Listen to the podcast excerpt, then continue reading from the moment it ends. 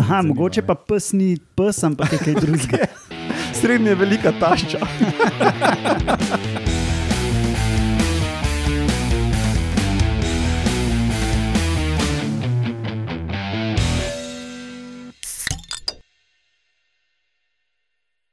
Lepo zdrav, poslušate 119. oddajo Metamorfoza, podcast o biologiji organizmov, ki vam jo tudi danes, kot že 118 krat do zdaj, predstavimo skozi lahkoten pogovor o pivu.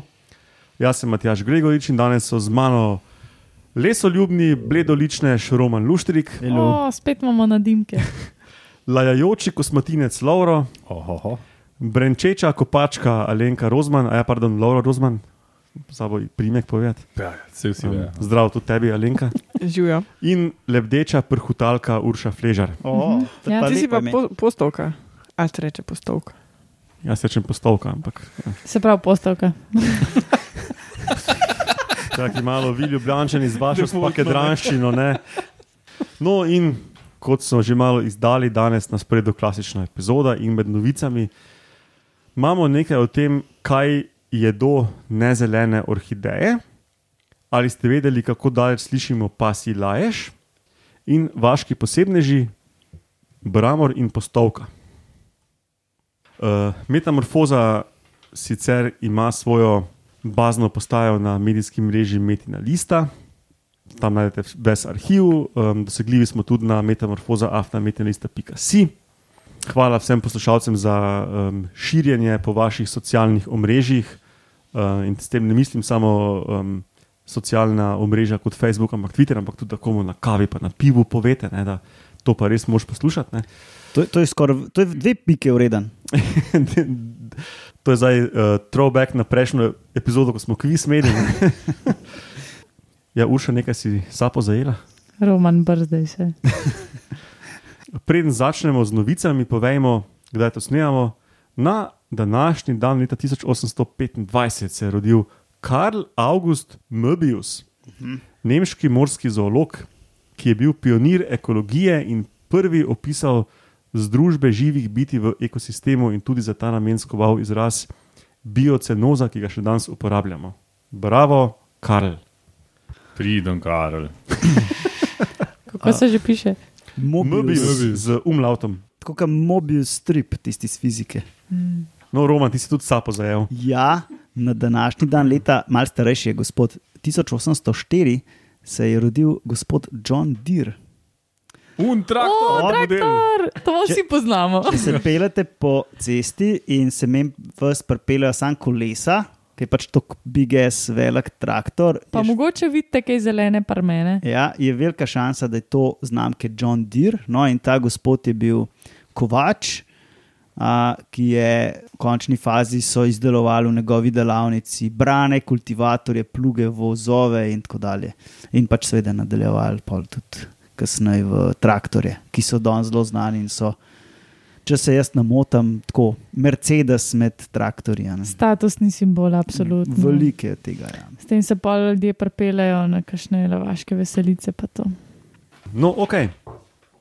Pol pa najboljše, da si kar natočimo prvo pivo in zagrizemo v novice.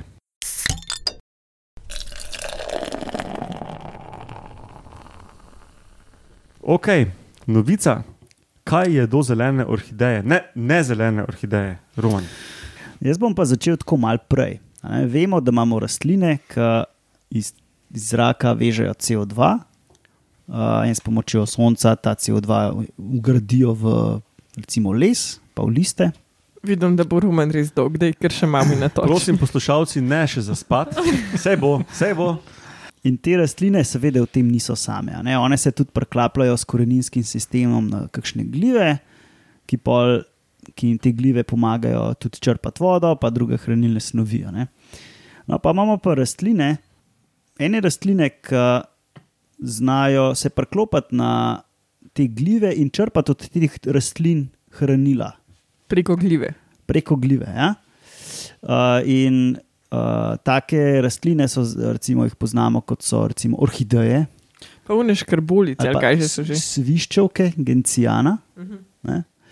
In v bistvu so nekako paraziti, ne? ker tako delno recimo, lahko dobijo hrano tudi od drugot.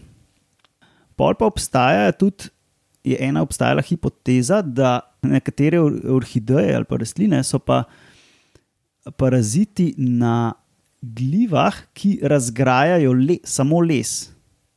Les kot nek material, ki ga sicer je ful težko uporabiti. To je nemogoče ne. uporabiti. a ne? Ja. Celuloza je zelo. Tako, to je zelo Ja, trdovratna snov. zadeva. Uh, ne, vse imamo glive, ki razgrajajo listje, pa les, pa še kaj. No, ampak te, glive, te orhideje, pa, raz, pa je bila teza, pa malo so bili dokazi tudi, da se preklapljajo samo na te, se parazitirajo samo glive, ki razgrajajo les. a ne. Ampak to je zdaj nekje noter v zemlji, ti to ne moreš videti, ti to ne moreš kar pomeriti, kako hudiča to dokažeš. a ne. Pobarvaš. Haj, spet kamera. minus pika. In um, no, ta članek je pa v bistvu probal dokazati, kako se te uh, rastline, te orhideje, ne fotosintezne, priklapljajo na te glive, zajedajo te glive, ki razgrajajo les. a ne, In kako to pokažeš? a ne. No, in oni so vzeli en tak, oni to imenujejo tak naraven pojav. a ne. Sicer jaz mislim, da detoniranje atomskih bomb v atmosferi ni najbolj naraven pojav, a ne. no, ampak oni so tako rekli, da to je. No, in kaj se zgodi, ko ti detoniraš atomsko bombo? Je pa nek okoljski pojav uh, iz vidika teh Čakaj, rastlin. oni ne. so detonirali? Kol? Ne, ne, ne, ne. Se pravi, na japonskem, pa tam okoli so v 50-ih uh, delali atomsk, poskuse z atomskim bombam. In takrat, ko ti detoniraš atomsko bombo v atmosferi, ne, se nekako v atmosferi tudi pojavi oglik, ki je malo težji od navadnega oglika. Temu rečemo C14. Oh, ste bili izotopi. Ja, v bistvu uh, ponovadi je C12, a ne tak, ki je ponovadi, no, ta je pa se pojavil C14, ki je takrat ga bilo full velik, poj pa počasi počas v času začne uh, razmerje tega C14 v primerjavi z drugimi izotopi padati. a ne. Tako si lahko predstavljamo, takrat leta 50 je full narastel in pol do danes počasi pada. Ja, urša. Kaj je izotop? To je pač sam mal težja oblika istega Pač- elementa. Variacija elementa. recimo, C12 če tako pa rečemo, C14. ja. Pa C13 je tudi vmes. tako da Mm. In mi lahko izmerimo, tako, razmer, to. tako razmere lahko izmerimo. A ne, In, pol, in kaj se zgodi? ne, Rastlin, recimo, danes rastlina, če črpa zrak, pa ugrajuje to v les, bo imela ful mal tega C14 elementa, not, kar je že skoraj izginil iz atmosfere. ne. Ampak rastline, ki so ga pa 50 ali pa 70 let nazaj ugrajevale v svoj les, je pa tega še ful velik noter. In drevesa so lahko zelo stara. ne? Tako, a ne? No, in če imaš pa glive, ki razgrajujejo les in črpajo organske snovi iz lesa, ki je star ne vem, 50-70 let, in če se na, ta, na to glivo priklop en parazit, bo, in bo ta parazit inkorpo, uh, ugradil ta oglik v svoje telo, v svoj, svoj steblo, pa v liste in tako, oziroma steblo, ja, v svoje dele bo, bi pričakoval, da bo imel veliko več tega ugljika, tega C14 ugljika, ki je bil nastal takrat, ko je eksplodirala bomba, ne? v primerjavi z rastlinami, uh, ki so danes to naredili. Recimo, Ki rastejo okoli. konec Tako, listje recimo ima relativno novo, nov ugljik noter, ker pač ne more imeti 70 let starega ugljika. Ne? In so pomerali v bistvu te lokalne rastline in so imele full mal tega C14, pa so pomerali listje, pa je tudi mal bilo, pa so pomerali pa te orhideje, je bilo pa full velik tega. Ne? In to je tak posreden dokaz, v bistvu, da v bistvu njihov vir oglika je les. Praktično. In kako dobi, prideš do lesa, ja, tako da ga ali sam ješ, ali pa ga kradeš nekomu, oziroma ga dobiš od nekoga, ki ga je. a Ne? Skratka, sharing is caring. Tako. tako da, um, če jeste uh, C14 ugljik, ga delite z družino, pa s prijateljem. No, razen če ga pač na silo vzamejo, pa ti neš nič pri Dober, pa, pa pač si pa drugega nabereš. No, ampak ne, zanimivo je, kako tak v narekovajih naraven pojav uporabiš. Kot je atomska bomba. Tako, v bistvu tak impuls v, v času uporabiš za No, to, ampak da v bistvu je dobra ideja, da so pokazali, da res uh, je vir organskih snovi ta les starih propadajočih dreves. Ne? Ker drevesa so hitro stara, pa ne samo 50, 70 let, tudi 100, 200, 300. Ne? V bistvu um, odrasel gost je šele tam pri 400 letih. Recimo. E, se ta, to, to pa še naprej vidi, ne vem, če kakšne kobilice te orhideje žrejo, pa imajo pa one večji ta pod, podpisal vsebnost tega oglika, kot druge. Po mojem, če bi bile specializirane za te No, no, ja. brezklorofilne orhideje, da bi bile prav. Jaz sumam, da se to uh, lahko relativno hitro uh, zg- porazgubi po sistemu. Da, no, sem, sem bil dolg, sorry. Si bil pa slikovit, Roman. Okay. Hvala lepa. ok, no, te pa vidim, da so že neki prazni kozarci, novo pivo in ali ste vedeli?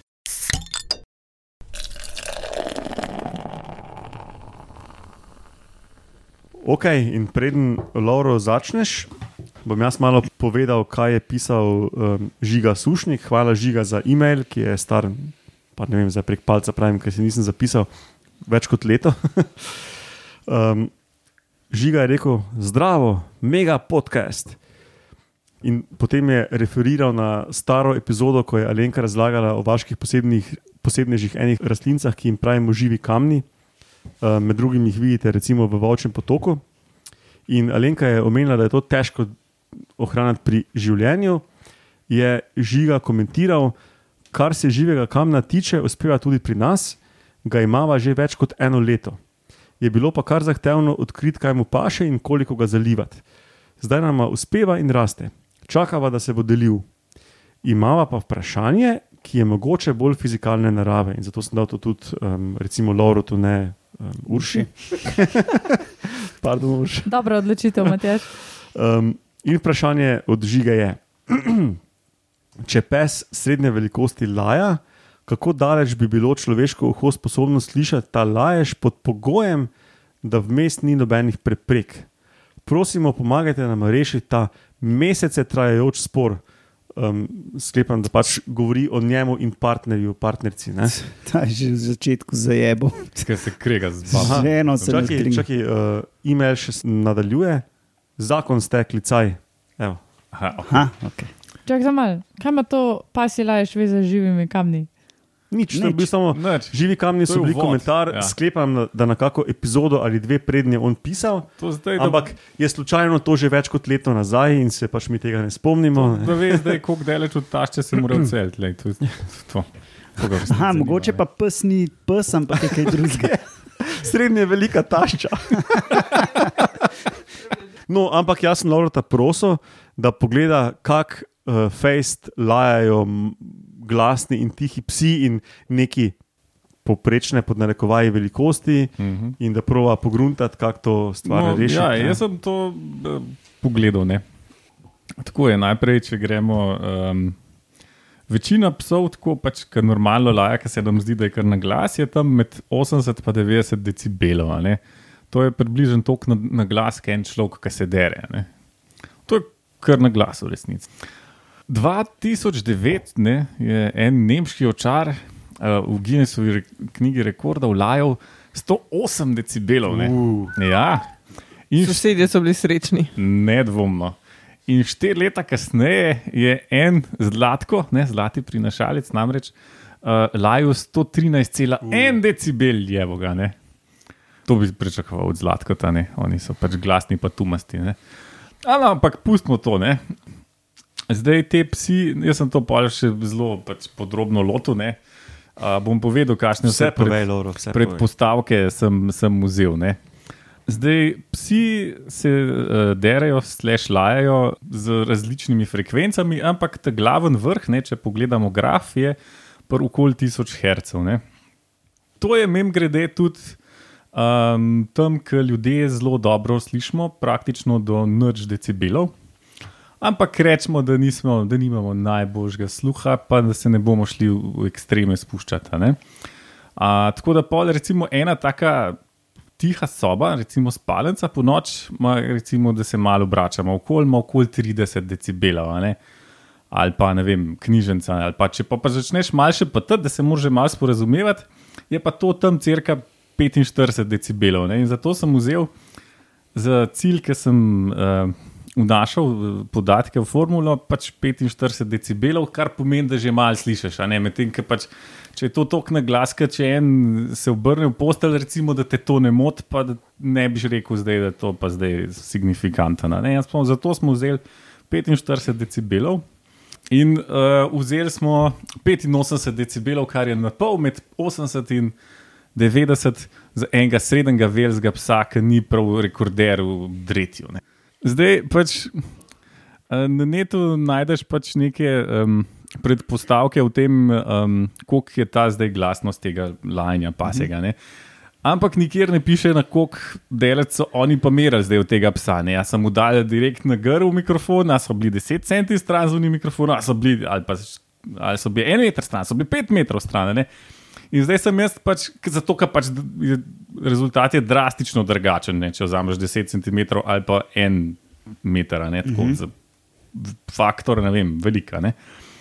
Tako da jaz sem vzel spet zdaj tle neki common sense, pa se bomo delali, da je bil pes pri uh, 85 decibelih, ki smo jih merili en meter stran, a ne, to se mi zdi kot neka normalna razdalja. Mislim, da je to celo nek standard.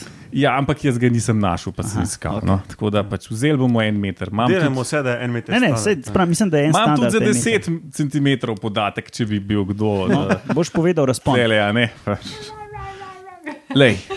Pač folk ima fetiše, tudi za 5 metrov imam, nikoli ne veš, ne, lahko je pes nevaren, pa maketno, pa nočeš blizu. Pa je pač bil poštar tisti, ki je meril. ne.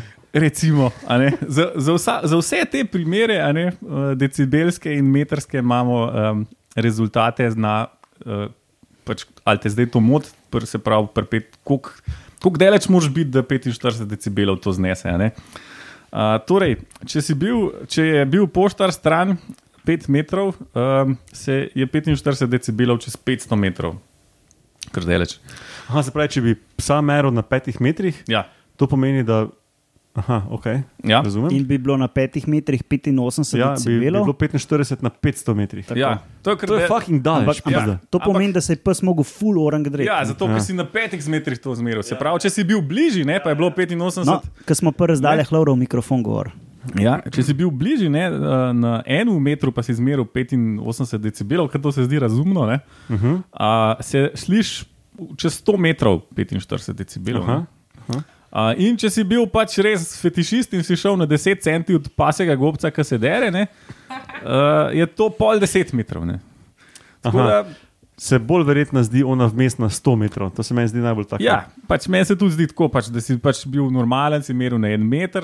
Pač 500 recimo- metrov je preveč. Ne? Ja, meni se to sliši blesavo. Ne? Ja. Mislim, da bi, te, da bi ga res glasno slišal. Ne? Ja. No, to pomeni, da se je pes Ja. tudi zelo glasno drl. In... Ne, na 85 decibelov, zdaj odvisen, koliko se pravi, koliko delaš Mhm. si. Si Če je bil zlatko, ki je tu s 113 decibeli. Ampak zdaj 85 Ja, govorimo. ne. ker žiga je spraševal o povprečni ta, tašči, eh, pa, Ja. ja. psu. Pardon. Zato sem vzel 85, ne. Imam tudi za zlatko tam mem grede rezultate, če te slučajno zanima. ne. zanima. Na 113,1 decibelov na en meter bi bilo čez uh, 2 km in pol 45 decibelov. Uh, to Ja. ja. že kar. Ja. Tako da, lej. To imam jaz do službe.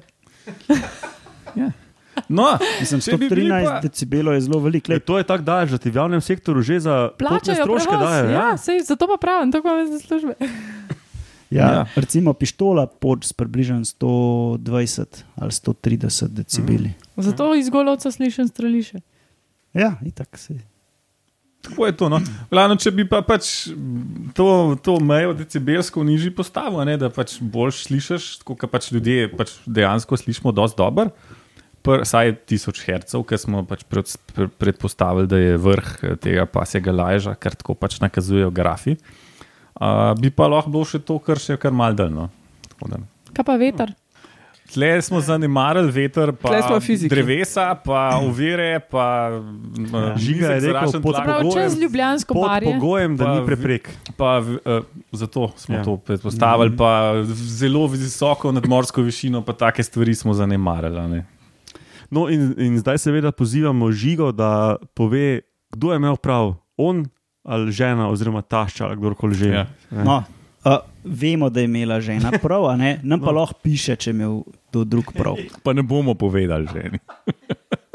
Drugače sem nekaj tazga, jaz pred leti računal za lik zaradi strelišča. Uh, in je bilo tako, ja, da če meraš po enem metru, mi je znesel, da brez uvira, ne, pa vse neke te predpostavke, je bilo približno 200 metrov, da prideš pod zakonsko določeno mejo za hrup. Ok, Lauro, hvala za to. Um, Uh, jaz imam še eno Super. vprašanje, Ja, ampak, aha, uh, ki okej. se mal sicer navezuje na pse, pa na laješ. Uh, pa ne vem, če si to raziskal. Uh, gospodična Darja, naša pos nova poslušalka, sprašuje, um, a psi lajajo v svojem naglasu, v smislu, a imajo svoje jezike, se pravi, a bi pes z Kitajske razumel enega psa iz recimo. Um, ja, hvala, Darja, za to um, zanimivo vprašanje, na katero ne vem odgovora. Ma, bral sem nekaj o, o teh pasih eh, laježih, da jih nekateri pripisujejo več pomenov. Uh, pač različne načine lajanja, različne pomene, pač različne frekvence, in bla, bla, bla. Ampak s tem se noben resno ni ukvarjal, ali pa vsaj ne tako resno, da bi bili neki strašni članki na to temo. Tako da mm, o tem pač ne vemo dovolj, da bi lahko karkoli pametnega rekli. Lahko pa rečemo kaj neumnega. Jaz mislim, da se psi ful z drugimi načini sporazumevajo prej, kot kar. Um, Ja, jaz bi tako intuitivno Ja. rekel, da, da, da se valjda zastopijo, ne se pač volk. volk ja, valjda se Ja. zastopijo. Ampak pač verjetno prek drugih znakov kot Ja, laješ. zdaj pa koliko je pač ta lajš informativen, pa ne vem, meni se zdi, da ne strašen. No. Okay, meni je bilo to super, upam, Žiga, da si tudi ti zadovoljen. Um, upam, da to poslušaš uh, tudi, ne glede na to, da smo več kot eno leto rabili, da smo odgovorili na tvoj e-mail. no, smo pa to izčr, izčrpno raziskali. Pola, ne. Glej, jaz mislim, da smo dali čist dober primer, kako bi izgledal, če bi snimali podcast na Marsu in bi dobivali vprašanja. Malo kasneje. a ne. To bi bilo čist sprotno v bistvu. No, in glede na to, da vidim, da še vsi imate nekaj za pit, najboljše, da gremo kar na vaše posebne žeje.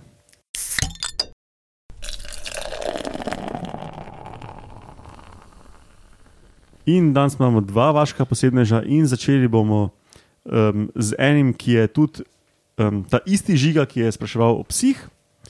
Um, je potem poslal še en e-mail, v katerem je pač rekel, da je slikal, priložil sliko, da to je mogoče kandidat za vašega posebneža, kaj sploh to je, in da ja, to je samo ena stvar in je slika Bramorja. Aj pa je bil domači posnetek. Ja, pač njegov posnetek uh Mhm. -huh. Bramorja. Uh -huh. Um, ki res je čudna žival, ga ne vidiš dosti krat, če ne delaš full na polju. Ne? Mm. No, teda zdaj bo Alenka povedala več o Bramorjih. Bramor je žuželka. Uh, Ja. Kobilica. ja, kubilca. Uh, ista žlahta kot karmurni, pa tudi dere se dejansko. Uh -huh. Uh -huh. Kako se dere? Čiri, čiri, čiri, Zdaj čiri, bomo tja čiri, dal čiri. posnetek.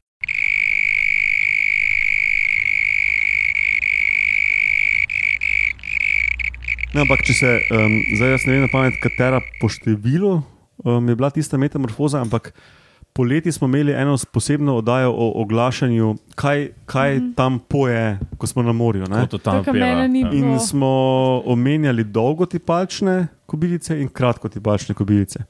In to je dolgotipalčnica. Mhm. Torej, kaj že, aha, se, se imam tle napisano, veš, zato ker imam plonkič, ne, tam mala si je glih kupila tale um, album za um, slikce in noter je tudi Bramor med najglasnejšimi živalmi. Aha, Tako le piše: Bramor izkoplje polkrožni rov s svojimi čudnimi prednjimi nogami. Ta na to služi kot megafon, ki ojača njegovo pesem. V svojem rovu začne Bramor drgniti svoje krila eno ob drugo, obe krili imata posebno žvrgolečo veno, podobno glavniku. Ti proizvajata tiste značilne zvoke Bramorja. ja, Roman je takrat v tisti oddaji razlagal. Vse boste najdli, če um, boste to šli malo po arhivu nazaj, če niste poslušali. V Angliji mu rečejo um, krtočriček, ampak tam je pa je že skoraj izumrl. Um, Dejansko je zavarovana vrsta. Pri nas je pa ful škodljivc in um, se ga skušamo na vsak način znebiti. Tako da v bistvu si želimo, da bi izumrl. Njegovi naravni plenilci so jež, kure, pa tudi druge ptice, no? uh, pa kače, pa dejansko prodajajo neke Pa gliste. Kmetje. Ne vem, če se to kot, Z uh, ne vem, če se to kot plenilec kvalificira, ker pa ga ne poješ. No, ne vem. Ja. Pa Kompetitor. Za Bramorja je vseeno. Ja, Veš, za Bramorja ubiješ. vseeno. Ogrčice so ene gliste, ki, ki jih lahko kupaš in jih dvakrat na leto uh, zaliješ po vrtu, in pač one zajedajo v Bramorju. Um, ja, do nedavnega so veljale tuje rodne za Slovenijo, pa so jih pa baje po naključju najdel tudi v Sloveniji. Tako da zdaj jih, zdaj jih leg- legalno lahko kupaš. Um, a, a ta podcast sponzorira seminarna Ljubljana? Ne, samo tako pač. Insektarna. Ampak lahko pa donirajo. Ja, Um, Glistarna ljubljena. Smo povedali v bistvu čisto osnovno biologijo, da omenila si čudne noge, ne, spravi, to so živali, ki um, živijo kot noderejo. kot eni voluhari. Ne, spravi, Ja. Kot krti. Kot pod krti. zemljo živijo kot krti. Ja, Ja, in žrejo deževnike in drugo podobno golazen, Mm. pa tudi v bistvu rastlinice in gomolje in kalčke in mlade liste in to nam gre res na živce. Sploh če vrtičkarimo. Ne? No, jaz, ko sem bil v osnovni šoli ne, in so me že takrat zanimale pač te neke male živalce, ki jih noben ni poznal, se spomnim, da sem kot žiga enkrat videl enega bramorja in sem tudi bil ono skoraj pav, ker nisem mogel verjeti, ker res zgleda fucking čudno. Alien zgleda. Ja, in, in sem bil ono, V glavnem sem pa prebrala, da lahko narediš tudi pasti iz gnoja, ker um, je ful radi. Se pravi, greš in se pokakaš. Ne, ne, pač rabiš hlevski gnoj, v glavnem skopleš en meter globoko luknjo, no daš hlevski gnoj in pol počakaš do sred zime. Bramori so v, v to pasti iz gnoja legali svoje jajca ja, in v bistvu je na svet, da to zažgeš. Ne zažigati ljudi. To, ne. Le, sprijaznite se, da na vrtu 10% pridelka pač gre in uživajte v različnih živalih, ki tam letajo ali pa Tako. kopljajo. In, In tistemu, Pač- ki ostane. ja. Druga, druga varianta je pa, da imaš te neke visoke grede, pa tudi v spodi daš pač mrežo, Mrežo, ja. Uh, da pač ne morejo do spodi si zvrtati luknje in to je baje učinkovito. Ko smo že pri tem, uh, Roman, bi tudi jaz svetoval poslušalcem, da naj ne, naj ne imajo monokulture, tratice, ne Ja. vem, kje ljulke že in vse pokošeno in postriženo. Pustite, da kaj raste, ne kosite vsak teden, uživajte v živalih, ki se potikajo okoli. In rožice. Višina trave napravljeni. nima veze Ne. za komarje. To, to so bolj oni cvetlični lončki, ki jih folk ne pobira, pa zamašeni žlevi, pa stare gume, pa Mhm. zbiralniki vode, ki jih folk ne pokrije. Pa, Pa ne pač kaj, vse ne. smeti, ki so v gozdu, ne, Mm, plastične in se nabira voda not. Voda mora stati za komarje, ampak če pa ne kosiš trave skozi, je pa super za biotsko pestrost. Ja. Jaz imam doma vse, jaz imam še orhideje na travniku. Ja, in to unele so jede. Nisem šumert, no. Mislim, zihar so v simbiozi z, nek, z nekim glivama. Ne. Sam Jurčko pa še nisem nabiral. ne? Uh, direkt na moji parceli, ne? tam na sosednji pa že. Ampak je gost tam. da- Sam pri sosedu so zihar boljši. Odlični so. Hvala. Se pa kostani kotalijo dol k tvoji bajti po hribu. ne. Ja, ja, jaz grem samo graben dol, pa poberem pač po, po eni špuri. to je to. Pa ful debeli so. tako Da, ne, a, prosim, ne hoditi okoli moje bajte pobirati kostane. Sploh, ker so tam gnojne jame. AKA grezence. Ok, no in ko ste že omenili gnojne jame, je to super segway na postavko. Jaz, Izjemno. jaz ne vidim nobene povezave. Jaz pa vidim. Sem to mogel. Jaz no, pa vidim. Urša, povej. A ja, pardon, um, če je Žiga že nominiral Bramorja za vašega posebneža, je postavko na nek način nominiral na Twitterju Aleš Keber, ki je tudi naš poslušalec. In dejansko sem jaz postavko dal na spisek vaših posebnežev. In mi je ful dobro na YouTubu, si poslušalci in tudi vi, štirje, um, so videi, ker je high-speed kamera, kako v bistvu kompenzira, ne pač maha s krili, se pravi, postavka lebdi na mesto, ne, maha s krili, se pravi, telo se miga gor pa dol, ampak kompenzira z glavo, da je glava vedno čisto statična, glede na tla, ne, ja. Da lahko lepo fokusira na plen. Ne. In to je, to je meni bilo ful fascinantno in sem dal na spisek vaših posebnežev. In pol je Aleš na Twitterju, mu je, mu je očitno ista stvar bila ful fascinantna in je linkal nek, um, neko povezavo na to isto stvar, kako fiksira glavo. Ne. In sem Zdaj, da- rekel, evo, in sem dal postavko uh, više na prioritetnem spisku, ne? in zdaj bo Urša povedala več o postavki. Urša, super si to povedala. Uh -huh, uh -huh. Imaš še kaj za dodati? Hvala za poslušanje. Ja, en video sem videl na, na Twitterju, ki v bistvu ima nekdo na, na roki ali na prstu postavko in tako prst premika, ampak glavo ima pa skozi primer, telo se pa. Jaz na te vaše komentarje o teh videih lahko samo dodam, da si pogledate še videe od kolibrijev, pa mogoče kakšnih kur, ki jih ljudje v rokah držijo in jih premikajo, pa glava ostane na mestu, kure pa levo, desno, gor dol. ne. Uh, pač to ni neka taka značilnost, ki bi res veljala samo za postavke. Lauro že gleda filmčke. Ja, očitno je to skupno več pticam. No. Tako da mogoče ena stvar, ki bi uh, te opazovalce oziroma gledalce teh filmčkov vprašala, če ste opazili, če je bilo kaj vetra na teh posnetkih. Zato, ker za postavke in ostale, tudi mogoče kakšne bližnje sorodnike postavke, ki podobno vedenje izkazujejo v svojem letu oziroma v letu med plenjenjem, lahko vidimo, da se velikrat ustavijo v vetru, se pravi, ful dobro izkoriščajo, ne tako kot jastrebi, pa mogoče kakšni drugi te jadralci, ptiči, ne, ki pač itak se dvigujejo po razno raznih pobočjih, s tem, da pač ta veter izkoriščajo, ki se dviguje. Um, postavke dejansko se uprejo, kot da bi tako jadro naredijo skrili ne, in se uprejo v tisti veter in ostanejo na tak način na enem mestu. Aj, ne rabijo full mahati, ampak sam v bistvu malo. No, samo še vedno, ko jih vidiš, da fokusirajo na nek plen, vedno mahajo skrili. Ne? Ja, In to je glih fora, da ko mahaš skrili, se valjda telo miga in takrat moraš glavo kompenzirati. Ne? Tako je, zato ker glava ima oči in oči so pa osredotočene na tisto koncentracijo tistih potkic. E, potkic namreč, ki jih postavke vidijo ultraviolčne, potkice so pa namreč sledi urina, ki jih voluharce puščajo za sabo. Tako da v bistvu one gledajo in ko se jim pogled zapiči v nekaj, ne, obstanejo in potem čakajo na svojo srečo in pikirajo dol na uno voluharco, ki pride iz luknje ven. Ki gre lulat. In jo. Ja. Ja, ali pa, Ja, ali gre iz ene v druga. drugo. Ne? Ampak je pač pustila sled lulanja, že odprej. Ja. recimo, ne. In če vidijo, da pač ful enih potkic ali pa zelo intenzivna potkica ne, gre v eno luknjo, pa to pomeni, da je glih kar tam šla ena mem in da bo verjeten, po vsej očitno, ne, po vsej verjetnosti prišla spet hmal ven iz njene luknje. Tako da čakajo na svoj šans. Uh, sicer pa, če ste kdaj opazovali te ptiče, vidite, da ful ne ustrajajo neki dolg na unem enem mestu, prhutajoče, ker to še zmer pomeni ful visoka izraba energije in se jim enostavno ne splača. Ne. Pač nekaj časa probajo, če se ne izide, pa jadrajo naprej oziroma izkoriščajo veter. Tudi Če je nestalen veter, pač najprej, če se le da, se kot jadro tistem vetru uprejo, da, da stoji na mestu, pa pol mal veter poneha, pa zaprhotajo, pa pol spet se uprejo in tako naprej. Ne.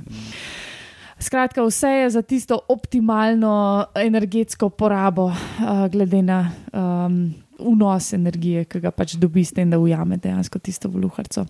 Sem pa se mislila še na neki obregant, a ne ob tem uh, vprašanju naših poslušalcev. In sicer, ja, postavke je zelo enostavno opazovati. Zakaj? Zato, ker so pač najbolj pogosti izmed teh ujet v našem okolju. Dejansko so se najbolj prilagodile in na mestno okolje, in na podeželsko okolje, uživajo v teh voluharic, gnezdijo lahko v stavbah in jih res enostavno lahko pač ljudje vidimo. Pač tega se ne da zlahka opazovati, ampak bolj pogost in navaden način plenjenja postavk je v bistvu samo čakanje na, na plen, da, da čepinike, tako kakanje vidimo ob kakšnih teh količkih ob cestah. pa To, ne. Sam pač ni tako očitno, če postavka tam nekje ždi, že zato, ker je mogoče mehna, pa ker ždi nekje, ki ni tako očitno. Ne. Kanje so posebej tiste malce večje ujede in jih zlahka opaziš. Ampak eh, sem najdla par objav na temo, ki so opazovali to plenilsko vedenje postavk in ta, ta um, prhutanje na zraku je v bistvu najbolj redek način plenjenja od vseh ostalih. a ne. Glih zato, ker največ energije porabijo s tem. Največkrat pač sedijo nekje in čakajo, ogledujejo ne, in potem šele pač se približajo t- t- tem signalu, ki ga dobijo iz okolja, se pravi tem ultraviočnim potkicam, ki jih vidijo od urina in če je pač treba, tudi zalebdijo ali pa zaprhutajo na tem, dokler zadeva pač tisti plen ne pride ven iz svojega skrivališča. Tako da, um, Ja, je pa tako, no, samo še ta opomba, kratka. Postavka, ponavadi mislimo to navadno postavko, Falco finunculus. Aj finunculus ali tinunculus. Finunculus, meni se zdi, ali tinunculus, ne, ne vidim. Mogoče pa T. Falco tinunculus. Stojem. Tinunculus, Mhm. ja, se upravičujem. Um, moja opomba se je pa nanašala na to, da imamo še dve vrsti postovki, ki se jim pač po slovensko reče postovki, prnasi, tako so vsi sokoli. To je južna. To je južna postovka. Ena taka zanimivost te vrste je, da gnezdi v kolonijah in da popul populacije te vrste ful strmo upadajo zaradi uporabe pesticidov v Evropi. Imamo pa tudi rdečo nogo postovko, ki je pa v Sloveniji neka stalna preletnica, se pravi migrira čez Slovenijo. Južna postovka je počasih prven zgnezla, ampak že dolg časa ne, zaradi pač, kot sem omenila, prevelike rabe pesticidov v kmetijstvu. Tako da, to to. Pa mogoče še uh, ument, lahko omenimo, da imajo postovke zelo dober vid, tako kot vsi sokoli. In v bistvu vidijo zelo delač z tistih svojih, samo ker čipijo, vidi zelo delač, uh, zelo dobro. a Ne, tako da ne, ne rabi direkt nad plenom, ampak verjetno več deset ali pa sto metrov, mogoče celo. Ne, uh, še zmeraj opas to žival, da jim še, še zmeraj lahko prileti tudi tja, ne, v sekundah. Ok, hvala Urša, pol pa to sklene to 119. epizodo. Kot rečeno, Metamorfoza ima svojo bazno postajo na medijskem mreži Metina Lista. Vseh 15 dobite na e-mailu uh, metamorfoza.metinalista.si. Drugače imamo tudi Facebook stran uh, Metamorfoza. Uh, tam objavljamo tudi stvari, ki niso v podkastu. Um, na Twitterju nas najdete na hashtag Metamorfoza, ko preskočite uh, polske spremembe telesnega videza. Uh, na Twitterju je Roman tudi pod Ed Romuno in jaz pod Ed Matjaš Gregorič. Hvala za donacije, to nam res pomaga in kmalo boste uh, zvedeli o nekaj spremembah, ki jih pripravljamo. Um, hvala za poslušanje, hvala vam štirim za sodelovanje in se slišimo prihodnjič. Ja. Ja.